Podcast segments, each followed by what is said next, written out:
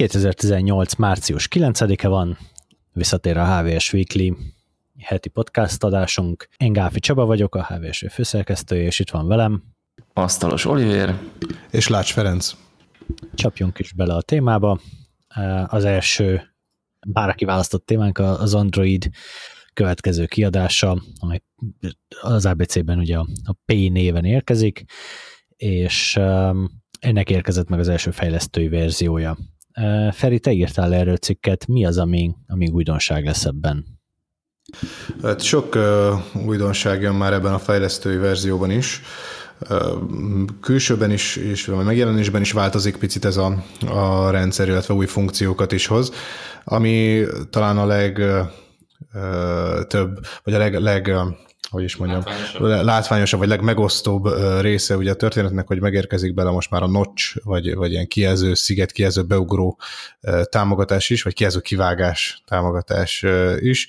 Ugye most hatalmas divat lett az elmúlt néhány hétben, meg, vagy talán már hónapban. Az ugye. iPhone X-nek köszönhetően. Igen, az iPhone X-nek köszönhetően ez a kialakítás, rengetegen másolják, hogy ezt egész bátran kimondhatjuk így, rengetegen másolják az Apple-t ezzel Többek között az Asus úgy látjuk, hogy most a Huawei, Huawei is ezt fogja csinálni, és még biztosan lesznek ilyenek. Úgyhogy ezt most már hivatalosan is támogatja a, a Google, az új Androidban videókat is lehet majd úgy lejátszani, hogy a notch melletti kijelző részre is befolyik majd a videó, tehát magyarán a notch kitakar majd részeket a videóból, úgyhogy nagyon, valóban nagyon intuitív funkcióról beszélünk. Mindegy, tehát ez, ezt is így a, elfogadta a Google, hogy, hogy ez, a, ez a trend, ez így egy elkerülhetetlen. De lesznek ennél fontosabb... Van egy egyébként, hogy ezt a, a gyártópartnerek kérték, tehát konkrétan verték az asztalt a, a Google-nél, hogy ők ezt akarják rendszer szinten támogatást ehhez, és a Google meghajolta az igények előtt. Nekem ez a tippem legalábbis. Valószínűleg egyébként igazad lehet, meg gyanítom azt is, hogy ez nem volt egy olyan borzasztó nagy erőfeszítés azért a Google részéről, hogy ezt, ezt meg tudja csinálni. Mindegy, hát bízunk benne, hogy, hogy a piac hamar kinevi majd ezt a, ezt a trendet. Ugye most a legújabb plegykák szerint egyébként az Apple már, már ezen dolgozik, hogy ne kelljen, ne, ne legyen ott notch, meg akár ha ez egyébként valóban így van, akkor ez tényleg látszik, hogy mennyire szánalmas az, hogy, a, hogy az Apple-nél az ilyen, ilyen kényszer intézkedéseket, amik, már, amik tényleg így, így elkerültek volna, ha tudnak, ezt is lemásolják androidos oldalon rengeteg szereplő. Mindegy. Folytassuk inkább a kevésbé vérnyomás nevelő újításokkal, mint például a Wi-Fi RTT protokollnak a támogatása. Ez a beltéri navigációnál lehet majd nagyon jó. Ez a 802.11 MC Wi-Fi protokoll néven is ismert megoldás. Igazából azt a, vagy azt jelenti annyi a működési elve, hogyha az ember mászkál egy valamilyen nagy épületben, legyen az múzeum, pláza, vagy valamilyen hasonló komplexum, akkor lehetőség van a telefonnal kvázi megpingelni a közeli wifi AP-kat, vagy hozzáférési pontokat, anélkül, hogy csatlakozzánk rájuk, és az elküldött jel, illetve a kapott válasz közötti időt a telefon megméri, ezzel kiszámolja, hogy mennyire, vagy milyen messze van attól az adott hozzáférési ponttól, és ezzel egy ilyen egy-két méteres távolságra be tudja pozícionálni a, a felhasználót az épület térképén, mondjuk, hogyha van a közelben három ilyen AP, abból már ezt így belövi. És ennek és ennek ugye az a, igen, így beháromszögeli, és ennek ugye az az óriási előnye, hogy ez nem szerver oldali, tehát nem az van, hogy az AP-k mérik be a telefonunkat, és akkor ők mondják meg, hogy mi hol vagyunk, hanem pont fordítva, mi nézzük meg az AP-kat, az access pointokat, és a telefon számolja ki belőle, hogy hol vagyunk, nyilván a, a, a térképes adatoknak megfelelően, úgyhogy ehhez nem is kell kvázi különösebb támogatása a szerver oldalról, vagy a hálózat oldaláról, elég, hogyha mondjuk a térkép alkalmazásunk tudja, hogy hol vannak azok az access pointok leszúrva, jellemzően ez a Google esetében a, a Google Maps ezt mondjuk egy, egy plázában tudni fogja, vagy egy, vagy egy nagyobb irodaházban, vagy egy, egy konferencia létesítményben, és akkor meg fogja tudni mondani, hogy, hogy hol vagyunk, maga mondjuk adott esetben mondjuk a, a Google Maps. Igen, és uh, ugye az sem utolsó szempont, hogy pontosan ezért, mert az AP-k uh, nem tudják a te, uh, vagy a telefon uh, helyzetét, ez, ez azért biztosan sokaknak nagyobb nyugalmat adhat így a adatvédelmi uh, szempontból is. És akkor tovább haladva az újdonságok listáján, teljes válszélességgel beállt most már a Google a, a több kamerás készülékek mögé, és a több kamerásat nem csak a két kamerásokat értjük, hanem akár a, a három, vagy, vagy még annál több hátlapi és, és előlapi, vagy akár annyi szenzorral felszerelt telefonokat is. Most már a, az alkalmazás fejlesztők párhuzamosan hozzáférhetnek a, a videostreamekhez, amik ezekből a kamerából jönnek, és akár egy ilyen sztereóképet is összeolozhatnak belőlük, illetve, illetve egy sor érdekes effektet ebből létrehozhatnak. És ebben ugye az az érdekes, hogy ez egy API, tehát nem az van, hogy jön a Huawei, és akkor ő kifejleszt egy Huawei kamera alkalmazást, amely tudja kezelni a, a két kamerát, hanem jöhet bárki, és hogyha a telefon támogatja azt az apit, az Android már támogatja, akkor ő írhat egy olyan alkalmazást, ami azokat az adatokat tetszés, vagy tetszőlegesen fésüli össze, csinálhat ugye, ahogy mondtad, sztereóképet, de, de akármi másra, például mélységélességre, stb. is felhasználhatja, úgyhogy ez megint csak a, tehát a, a, a sztóros kamera alkalmazások felé nyit egy, egy nagyon érdekes új irányt, külső fejlesztők is csinálhatnak nagyon érdekes apikat illetve az apikat felhasználva csinálhatnak nagyon érdekes kamera alkalmazásokat. Az mondjuk azt jelenti, hogy az Instagramban, vagy a Snapchaten jönnek majd új effektek, amik ki tudják használni a, a második kamerát is. Igen, és akkor a, a kamerázásnál maradva, vagy pontosabban attól eltávolodva, és a videózásra áttérve, a HDR az, az a tavaly ugye a 18-9 mellett, vagy 18-9-es képarány mellett az egyik, egyik legnagyobb sláger volt így a csúcsmodellek terén, és nyilván az idén is, idén is megmaradt ennek a támogatás, illetve ezt most már egy ilyen velünk maradó trendnek tekinthetjük, ezt pontosan így tekinti a Google is, és megérkezett a HDR-VP 9 támogatása a rendszer szinten is az Androidba, illetve emellett a helykép, vagy HE IF kép kodolás is támogatja már a rendszer. Egy, ezt már a macOS-nél is láthattuk szeptemberben, meg az iOS-nél is így van. Úgyhogy itt is felzárkózik az Android P, illetve az értesítések is kicsit átrajzolódnak. Egyébként itt valószínűleg majd nem tartom kizártnak, hogy még a következő hónapokban látunk jelentős változásokat. Most minden esetre lehet tudni, hogy a beérkező üzeneteknél lesznek, lesznek változások, az értesítés is abban sokkal több mindenre lesz lehetőség, akár előre megadott válasz lehetőségek közül egy ilyen gyors választ adni rá, de, de, de több opciót is felsorolhatnak ide a chat alkalmazások fejlesztői, valamint akár a, a mellékelt tartalmakat, képeket is így kifetcseli, vagy ide ki megjelenítheti itt az értesítési sávban már az app. Úgyhogy igen, illetve ja, még egy érdekes újítás, amire érdemes kitérni, hogy az autofill funkció, vagy az ehhez kapcsolódó apik frissülnek. Ez ez ugye az automatikus kitöltési feladatokra szállja a Google, mint az ugye a nevéből azért már sejthető ennek az apinak, vagy apipaknak.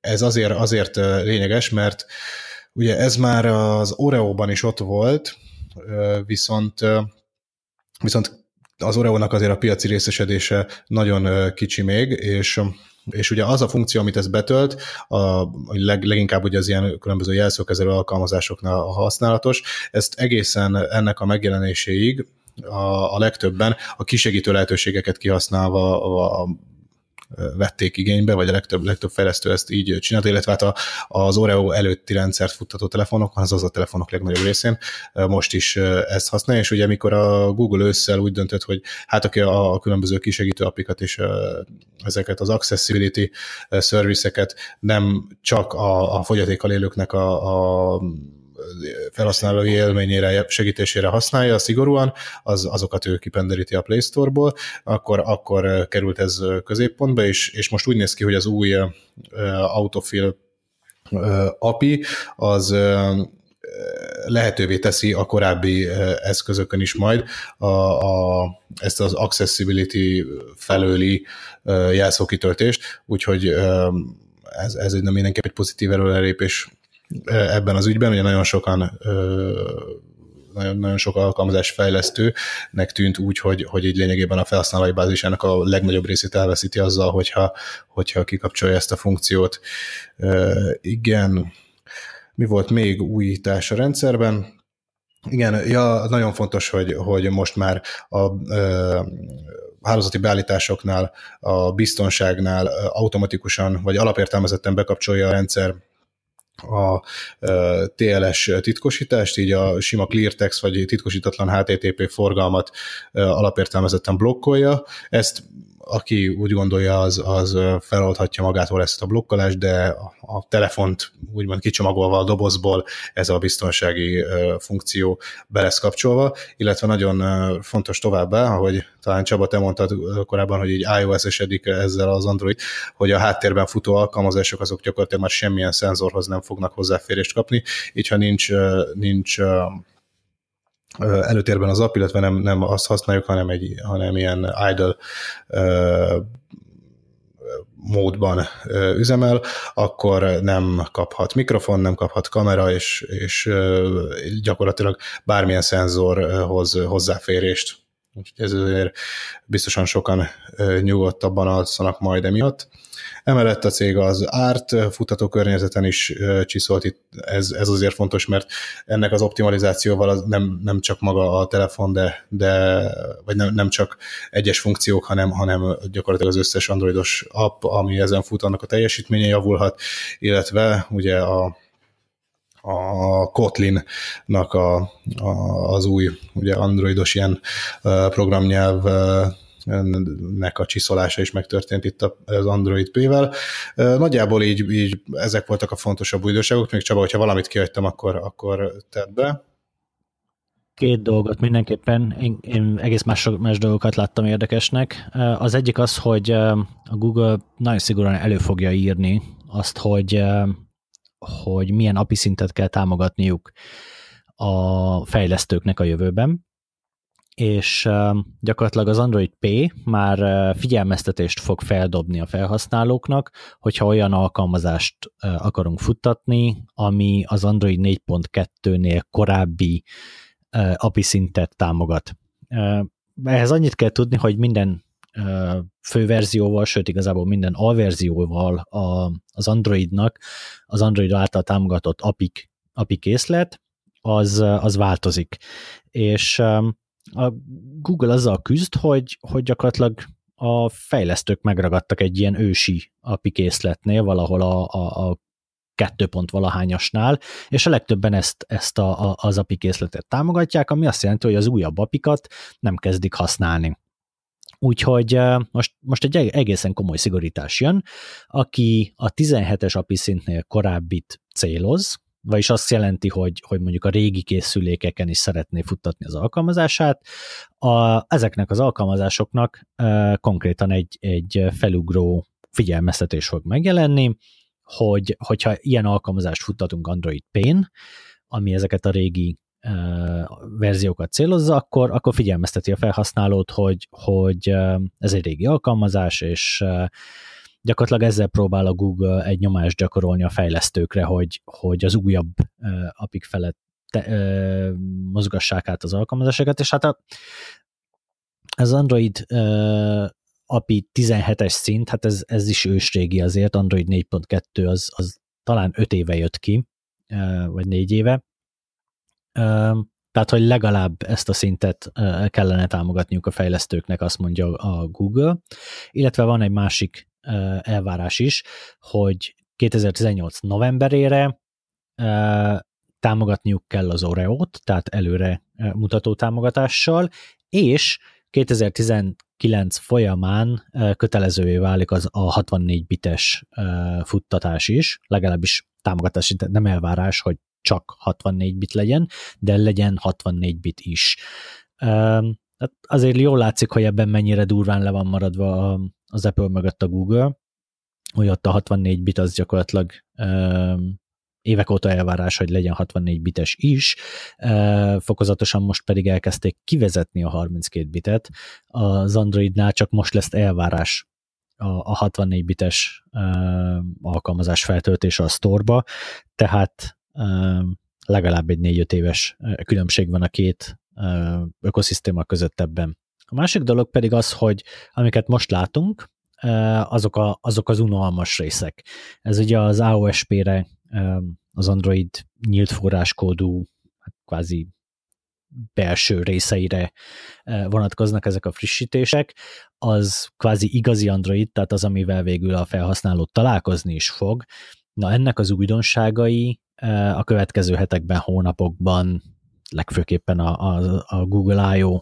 fejlesztői konferencián jönnek, jellemzően az első vagy második fejlesztői előzetessel a Google még nem szokta lelőni az igazán nagy poénokat, úgyhogy nyugodjon meg mindenki, bőven mag van még puskapor a cégnek a, a, a tarsajában, és a Google I.O.-t mindenképpen érdemes lesz majd nézni annak, aki mondjuk így a user oldalról kíváncsi arra, hogy mit hoz az új Android.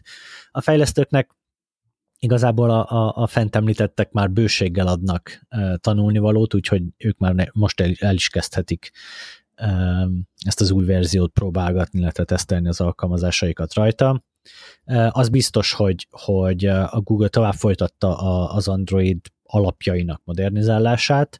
E, ugye ez már az előző két fő verzióval is nagyon-nagyon fontos szerepet kapott, ugye a Treble-től elkezdve rengeteg mindent átdolgozott a, a Google az Android alapjainál, a kernel szinten, a driverek, ahogy működnek, a lemezképek, ahogy működnek, a kernel és a többi részek külön választása. Egyrészt a biztonságot növelte meg a cég, másrészt a frissíthetőséget növelte meg a cég, és hosszú távon az, hogy, az, hogy ez, egy, ez egy hasznos és jól működő ökoszisztéma legyen, annak az alapjait már így, így sikerült lerakni. A, a, a régi androidos beidegződések vagy, vagy örökségek azok fokozatosan kidobódnak, és hát várjuk akkor, hogy még milyen tűzijátékot hoz majd az IO. Én mindenképpen rengeteg izgalmas És azt tudjuk már esetleg, hogy mikor fog megjelenni, vagy mikor jelenhet meg a végleges kiadás ebből az Android P, ugye Android P, ezt úgy, úgy írják? Van erre valami tipp, hogy még idén, vagy? Én először tippelek. Hát ugye éves, évente jön a, a főverzió most már egy ideje. Arra tippelek, hogy ez, ez ősszel valamikor megérkezik. Annyi van, hogy a, a Google ezt nem köti olyan nagyon szigorúan, mint az Apple. Mikor kész lesz, akkor megérkezik. Mikor jó a minősége a kódnak, akkor megérkezik. Hát megérkezik a pixelekre, E, illetve megérkezik gondolom a Pixel 3-as e, telefonokkal majd e, azoknak, akik azt meg tudják fizetni, a többieknek meg megérkezik, amikor majd új telefont vesznek leginkább, mert frissítésre arra most már nem nagyon érdemes számítani az androidos ökoszisztémában. Gyakorlatilag az idei csúcsmodellek, mondjuk ez az S9, a Samsung S9 valószínűleg meg fogja kapni egyszer, de gyakorlatilag a tragédia és a, a, a komikum közötti szinten van a, a, az Android frissítések színvonal, úgyhogy ha pixelt veszel, akkor számíts rá, egyébként meg... Igen, meg, most, hogy említetted ezt a pixelt, tényleg kézenfekvő lenne, hogyha majd a szeptemberben vagy októberben megjelenő új pixellel együtt jelentenék be a végleges verziót, vagy pontosabban az a készülék lenne az első, amelyik már ez az Android P-vel Android P-vel érkezik. veheted, hogy ez így fog infantilis poén eszembe jutott a Samsung S Pen-je, hogyha majd esetleg jön egy olyan, vagy létezik ez még Feri az S Pen nevű találmány a Samsungnál? Nincs meg? Ez így régen volt. Na mindegy, ezt ne is feszegessük tovább. Síparadicsomra gondoltam, és nem a tollra. E, igen, igen, létezik az S Pen továbbra is. Igen, hát akkor majd egy Android P támogatással megtolva. Na de uh, komolyabb dolgokra vissza kanyarodva, csak nem csitul a memóriák körüli herceurca, pontosabban az áremelkedés. Most éppen az a legújabb jóslat, hogy ismét egy jó 5-10%-os drágulásra számíthatunk, ez az idei első fél évben, azaz most fog megtörténni, sőt már ennek a egyik része meg is mutatkozik az árakban.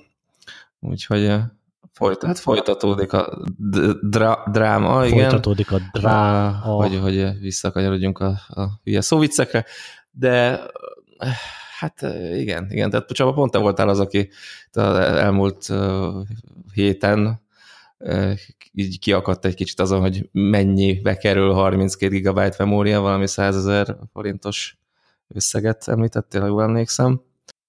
Igen, a, a két modul az olyan 106 ezer, 110 ezer forint körül lenne DDR4-ből, ami azt jelenti, hogy így mondjuk kétszer annyiba kerül, mint egy, egy legutolsó generációs uh, CPU, mondjuk a hatmagos Intelt néztem az 50 valahány ezer forint, ennek így a, a duplája a 32 GB és hát így a következő gépemet így, uh, asztali gépemet tervezgettem, és így gondoltam rá, hogy abba abba talán érdemes lenne már 32-t tenni, és hát ez nem fog megtörténni. De igazából nem a 32 a drága, hanem az összes drága, tehát a 16 is drága, amely annyiba kerül, mint a maga a CPU, ahhoz képest, hogy mindössze 16 GB RAM-ról beszélünk.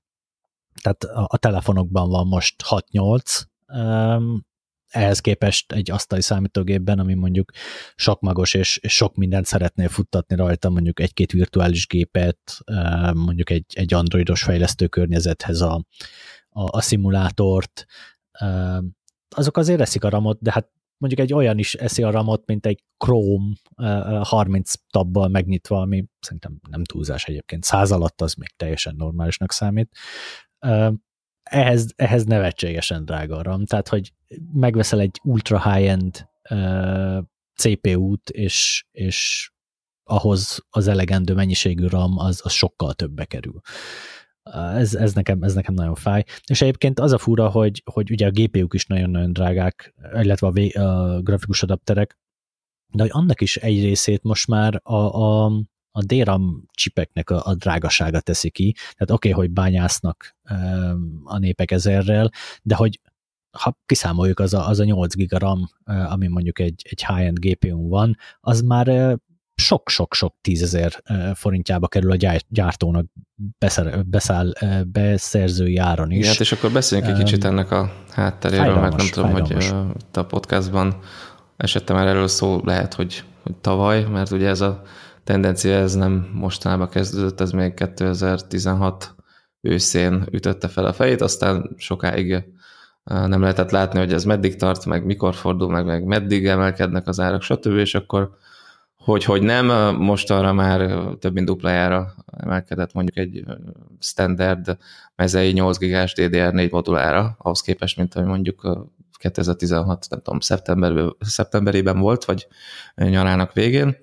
És hát az egyik tényező, ami miatt ez a, a vásárlók, potenciális vásárlók számára nem túl kedvező helyzet felállt, az az, hogy a nagy adatközpontos cégek, tehát itt webkiszolgálók, felhős, felhőszolgáltatók, Microsoft, Google, Amazon és a többi, ugye építik teljes gőzzel a legújabb adatközpontjaikat, és hát ezekbe bizony baromi sok, sok-sok terabájt memória kell, nincs mese, ezeket meg kell venni, és annyival megnőtt az igény így hirtelen, hát szinte egyik pillanatra a másikra, vagy de legalábbis egy pár hónap leforgása alatt, hogy a gyártók ezt nem tudják kiszolgálni, mert nem készültek arra, hogy most itt hirtelen megugrik a, a kereslet ilyen mértékben. Persze az más kérdés, hogy valószínűleg most azért nem bánkódnak ezen nagyon, mert iszonyatosan meglökte ez a a Mikronnak például, hogy aki csak memóriákkal foglalkozik, meg a Samsungnak is, és a többi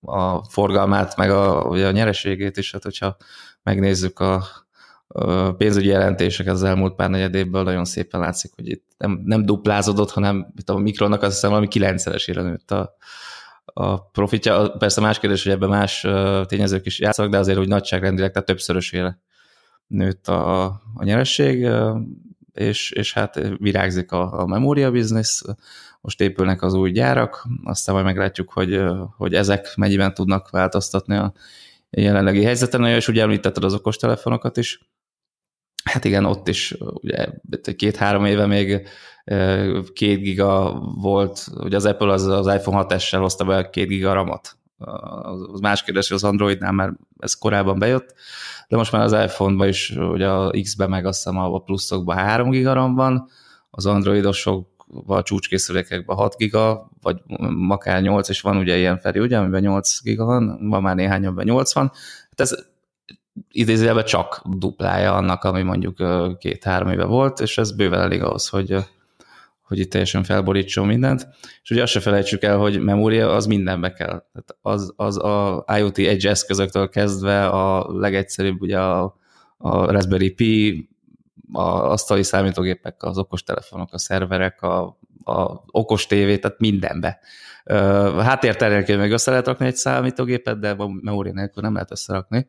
Jó, persze vannak ilyen beágyazott rendszerek, amiben ugye a processzorban van x 1 megabyte vagy, vagy fél megabyte, és azzal elketyeg, ezek nagyon egyszerű rendszerek, de, de azért a legtöbb eszközben egy külön chip kell, ami ugye a DRAM, a rendszermemória operatív társzerepét ugye betölti, és hát nagyon durva megdőtt az igény.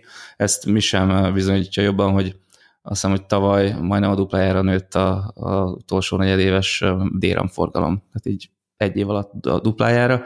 Az egész évre valami 70 milliárd dollár tett ki, most azt jósolják, hogy ebbe az évben már 98 milliárd lesz, 30%-kal több. Úgyhogy fel kell kötni a gatyát a, a gyártóknak ahhoz, hogy ezt kiszolgálják, meg hát a vásárlóknak is, hogyha vásárolni akarnak, mert tényleg nagyon mélyen a pénztárcába kell nyúlni, úgyhogy aki kibírja még a nem tudom, 4-8 gigájával, az várja még, szerintem fél egy évet legalább, most már talán látszik az alagút végén a fény. Aki meg nem, az, az meg készüljön arra, hogy, hogy itt egy több tízezer, vagy hogyha munkára akarja használni, hogy egy 32 giga memória egy, egy archikethez például simán kellhet egy, egy ingatlan tervezéshez. Úgyhogy most ez van, hát vagy ki kell bekelni ezt a pár hónapot, még remélhetőleg csak pár hónap lesz, de tényleg ugye ez a piac, itt valami történik, nem tudom, egy földrengés Kínában vagy Tajvanon, összedől egy-két gyár, és akkor megint ott vagyunk, ahol a part szakad. Érdemes, érdemes szerintem még várni, aki megteheti, aki meg nem, az annak le kell nyelni a békát. Csaba, te mikor veszel 32 gigát? Hát ennyiért biztosan nem, inkább, inkább szörfözök a 8 gigával. Az, a, az az érdekes egyébként, hogy, hogy rengeteg mindent az informatikában mondjuk az elmúlt tíz évben az mozgatott, hogy, hogy olcsó a RAM. De tényleg, iszonyatosan olcsó volt a RAM. Ugye azt tudtuk, hogy gyakorlatilag a, a Samsung meg a többi szereplő az így éveken keresztül arra játszott, hogy hogy lenyomták a, a RAM árát mesterségesen alacsony szintekre, tehát konkrétan bekerülési költség alatt dobták ezeket piacra, és arra játszottak, hogy kivéreztessék egymást, a kevésbé tőkerős cégek, azok, azok fel is adták a küzdelmet, vagy beolvadtak, vagy egyszerűen bezárták a, a, a gyártást, a, a, bezárták a gyárakat és feladták a termelést. Rengeteg ilyen cég van egyébként. Az elmúlt 5-6 évből, ha visszaolvasod a, a, a DRAM piacról szóló cikkeinket, ott gyakorlatilag konszolidálás konszolidál, konszolidálódás volt, a csőd széléről kellett megmenteni cégeket, stb.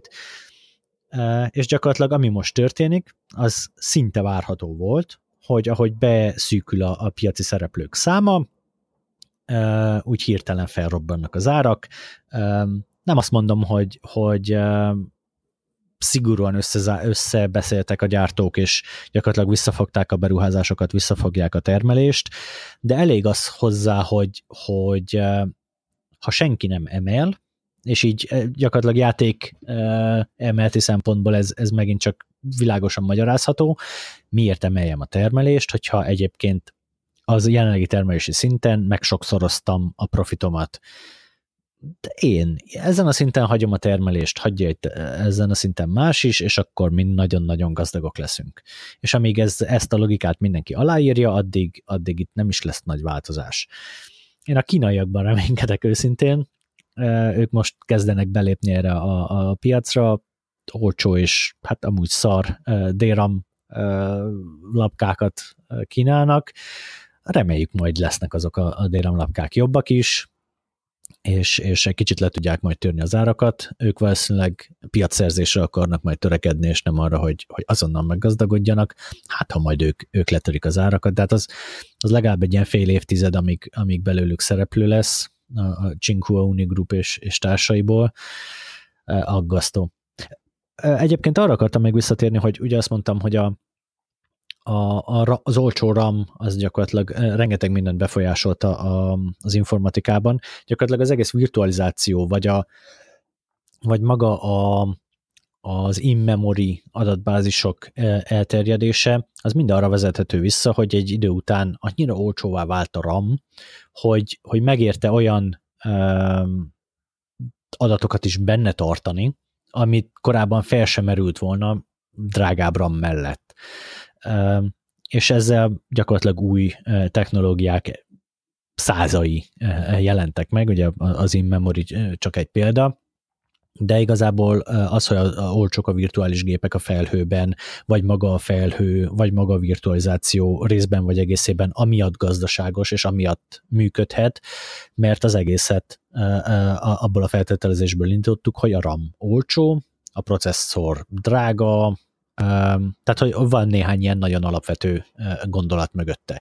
Az, hogyha a RAM drága, és most nagyon-nagyon drága, olyan drága, hogy az most már mindenkinek fáj, nem csak a, a, a végfelhasználónak, amikor Samsung, Samsung Galaxy S9-et vesz, hanem most már mindenkinek fáj,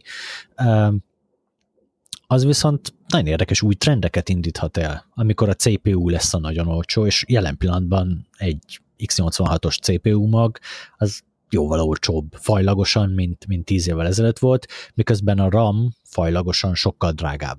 Ez, ez, egy, ez egy egészen érdekes folyamatot indíthat el, hogyha hosszabb távon így marad. Tehát például akkor, amikor ez megjelenik a felhős virtuális gépek árazásában, mondjuk az Amazon Cloudon, vagy a, a Google Cloudon, vagy bárhol, hogy hirtelen sokkal drágább lesz ramot venni abba a virtuális gépbe, akkor lehet, hogy nem a Docker fele fog elmenni a, a, a technológia, hanem egy, egy, egy bare, bare metal irányba, ami mondjuk sokkal kevesebb ramot fogyaszt. Az, hogy ez, ez ennek kell egy pár év, még ezek begyűrűznek a, a, a szoftverfejlesztésbe is, de az biztos, hogy a, a mostani szoftverfejlesztési irányokat azt határozta meg, hogy a RAM olcsó, az, hogyha a RAM hirtelen nagyon drága lesz, ja, nagy vállalatiból egy, akkor ez egy kicsit át tudja mindenki számára kézzelfoghatóbb irányba visszakanyarodva, ugye itt a PC piac, mint olyan. Én viszont itt nem vettem azt észre az elmúlt öt, hát öt évben, vagy, vagy akár 6-7 évben, hogy jelentősen nőtt volna a memória igény.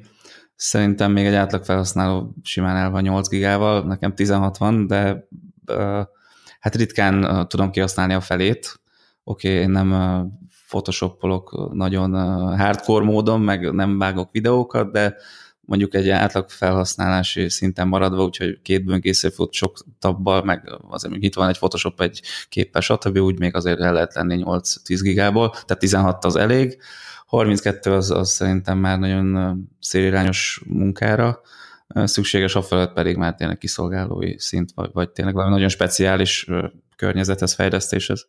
Most most, a, most az érzékeny pontomra tapintottál, mert egyébként a, napi szinten most egy 4 gigával, 4 grammal szerelt laptopot használok, hosszú sztori így alakult, és nagyon fájdalmas. Oké, okay, hogy a CPU is egy, egy 10 éves lapka van benne, az is lassú, de az, hogy már pár megnyitott tabnál is, ha tabok között váltok, akkor a Chrome-nak újra kell töltenie azt, a, ahol, ahol tartottam és újra tölti magát a hát gyakorlatilag webes alkalmazást, már, már néhány tabnál is, az már így azért nagyon fájdalmas. És ez 4 giga RAM, tehát nem annyira kevés, és nyilván azért tölti újra, mert ki kellett dobni a, a memóriából, azért, hogy beleférjenek a, a, az aktív ablakok és ez így konkrétan 4 gigaramnál már nagyon érződik a produktivitás visszaesése, és, ez szó szerint úgy, hogy egyetlen böngésző fut.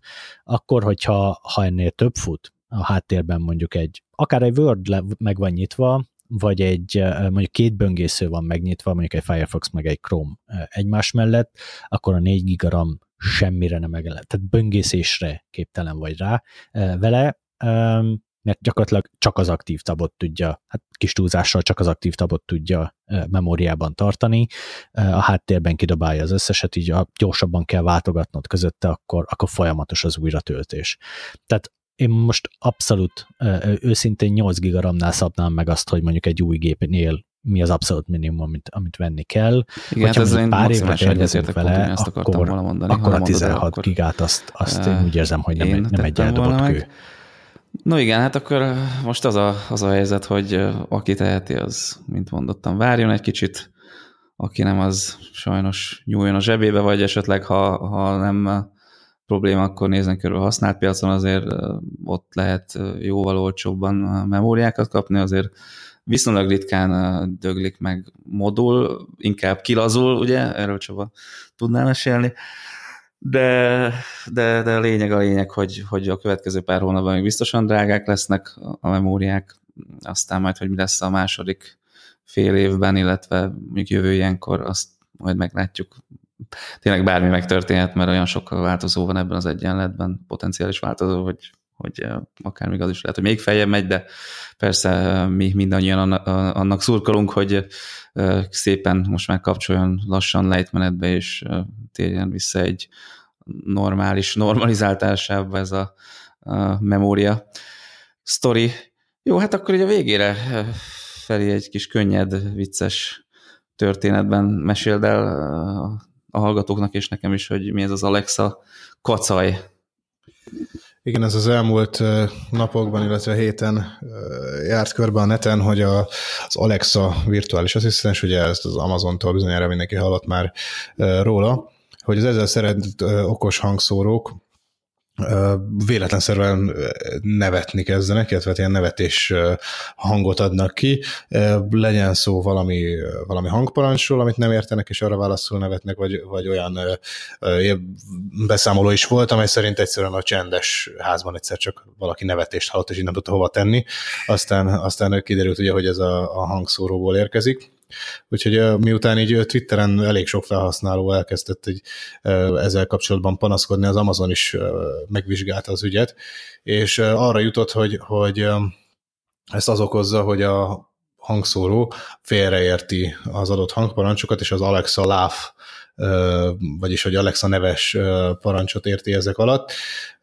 Hát ez, ez ugyan legalábbis számomra nem magyarázza meg, hogy a teljesen csendes házban miért kezdtek nevetgélni ezek a hangszórók, de, de minden esetre most úgy látszik, hogy ezzel, ezzel zárta le az ügyet az Amazon, illetve pontosabban azzal, hogy frissítette a a, az asszisztenst, és ezzel most már az Alexa Can You Laugh parancsra fog nevetgélni, és illetve nem csak nevetni, hanem akkor még pár szóban hozzáteszi, hogy igen, tudok nevetni, majd, majd nevet.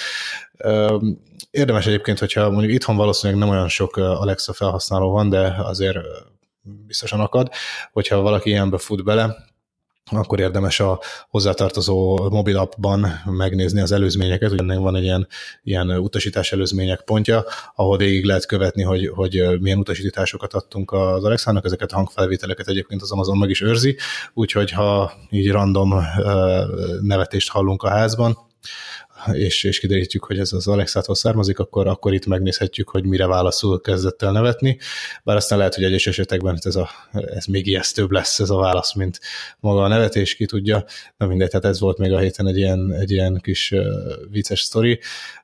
Mondjuk az, azért ezt, ahogy a cikkben is írtam, valószínűleg ijesztő lehet, hogy egyszer csak egy a személyi asszisztens a, megtagadja a parancsot, és helyette csak nevet rajtad, amikor, amikor tényleg ilyen Terminátor és hasonló filmeket látunk a, a tévében. Úgyhogy úgyhogy tartsuk azért fél szemmel mindig felügyelet alatt ezt a, az asszisztenst. De igen, hát szerintem akkor vissza is adom neked, Olivera, szólt egy kiküszönés erejéig. Oké, okay. és hát uh, még annyit hozzátennék, azt hiszem, ez múlt heti hír volt, talán Csaba, ezzel te foglalkoztál, vagy, vagy Feri, nem tudom, nem emlékszek, hogy a Google-nek lehet a legnagyobb esélye arra, hogy magyar nyelven is megjelenjen a, ugye? Google? Google Assistant? Igen. Igen, a Google Assistant az, aki, hát a Google Assistant fejlesztői azok, akik a legproaktívabbak jelenleg a lokalizációban, vagyis a, a, a szolgáltatáscsomag elérhetővé tételében más nyelvekre. Nekem azt mondta személyesen a, a fejlesztést irányító srác, hogy házon belül már működik gyakorlatilag minden létező nyelven a Google Assistant, folyamatosan fejlesztik ezeket, és amikor bizonyos megbízhatósági mutatók, például a, a hangfelismerés siker aránya elér egy bizonyos szintet, akkor elérhetővé teszik. Vannak viszont cégek, ahol tudomásom szerint ennek még csak neki sem fogtak, és, és egyáltalán nem foglalkoznak azzal, hogy néhány nagy globális nyelven kívül ezekre az egész kis nyelvekre is elérhetővé tegyék a rendszert, például a Cortana ilyen. Úgyhogy korábban erről egyébként cikkeztem, hogy, hogy egy, egy új digitális szakadék készül a, a kis nyelvek és a nagy nyelvek között. Ugye, tehát a magyar körülbelül ilyen 13-14 millió beszélővel, ilyen a 77. legnagyobb nyelvek számít globálisan, tehát abszolút a futottak még kategória vagyunk. Most gondoljunk arra, hogy, hogy mondjuk ha ezt mondjuk egy gazdasági szorzóval még beszorozzuk, akkor is a top 50-be, top 30-ba nagyon nehezen kerülünk bele. Ez azt jelenti, hogy, hogy sok tekintetben azokat a, az erőfeszítéseket, ami ahhoz kell, hogy ez kiválóan működjön az adott nyelven, egyszerűen nem gazdaságos elvégezni. Öröm látni, hogy a Google ezt azért nem így látja, és ők nagyon aktívan feltételezem azért, mert ők ezt sokkal olcsóbban automatizált eszközökkel meg tudják csinálni.